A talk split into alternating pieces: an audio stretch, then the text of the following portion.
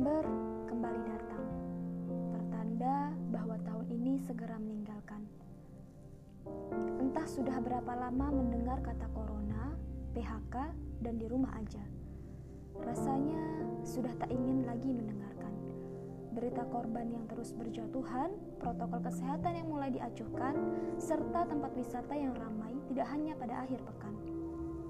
Tahun ini menjadi duka banyak orang kehilangan anggota keluarga, mata pencaharian sebagai penyambung nyawa, rencana yang telah disusun rapi, buyar seketika. Bertahan hidup pada situasi yang tak pernah diduga, sungguh bukan perkara yang mudah dan biasa. Berbagai perayaan terpaksa dihelat seadanya. Berbekal jaringan dan layar datar di hadapan, mencoba tersenyum merayakan wisuda ditemani kedua orang tua.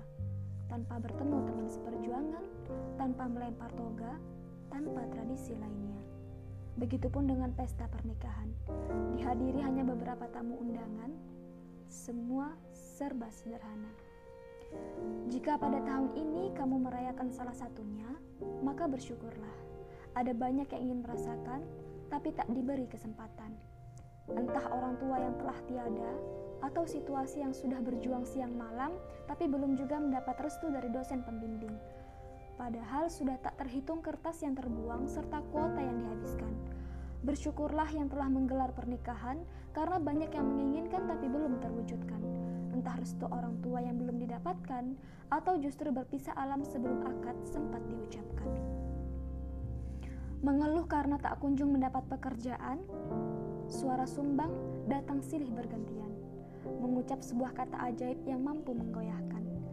Selalu diawali dengan kata percuma yang mematikan. Bukan nyawa, tapi energi dalam jiwa. Padahal tak terhitung korban PHK di mana-mana.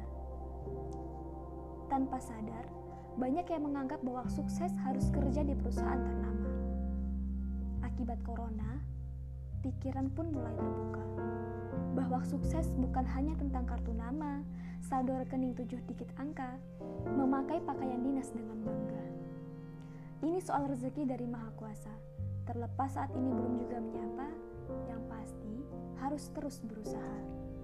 Selalu mengisi waktu untuk meningkatkan kualitas diri, baik itu les, mencoba resep baru bersama keluarga, atau mencari pengetahuan baru dengan banyak membaca. Kita tidak tahu rezeki datang melalui pintu yang mana. September baru bermula Isilah dengan kegiatan tanpa banyak mengeluh percuma. Banyak bersyukur adalah kunci utama, karena kita tidak tahu usia akan berhenti di tahun berapa.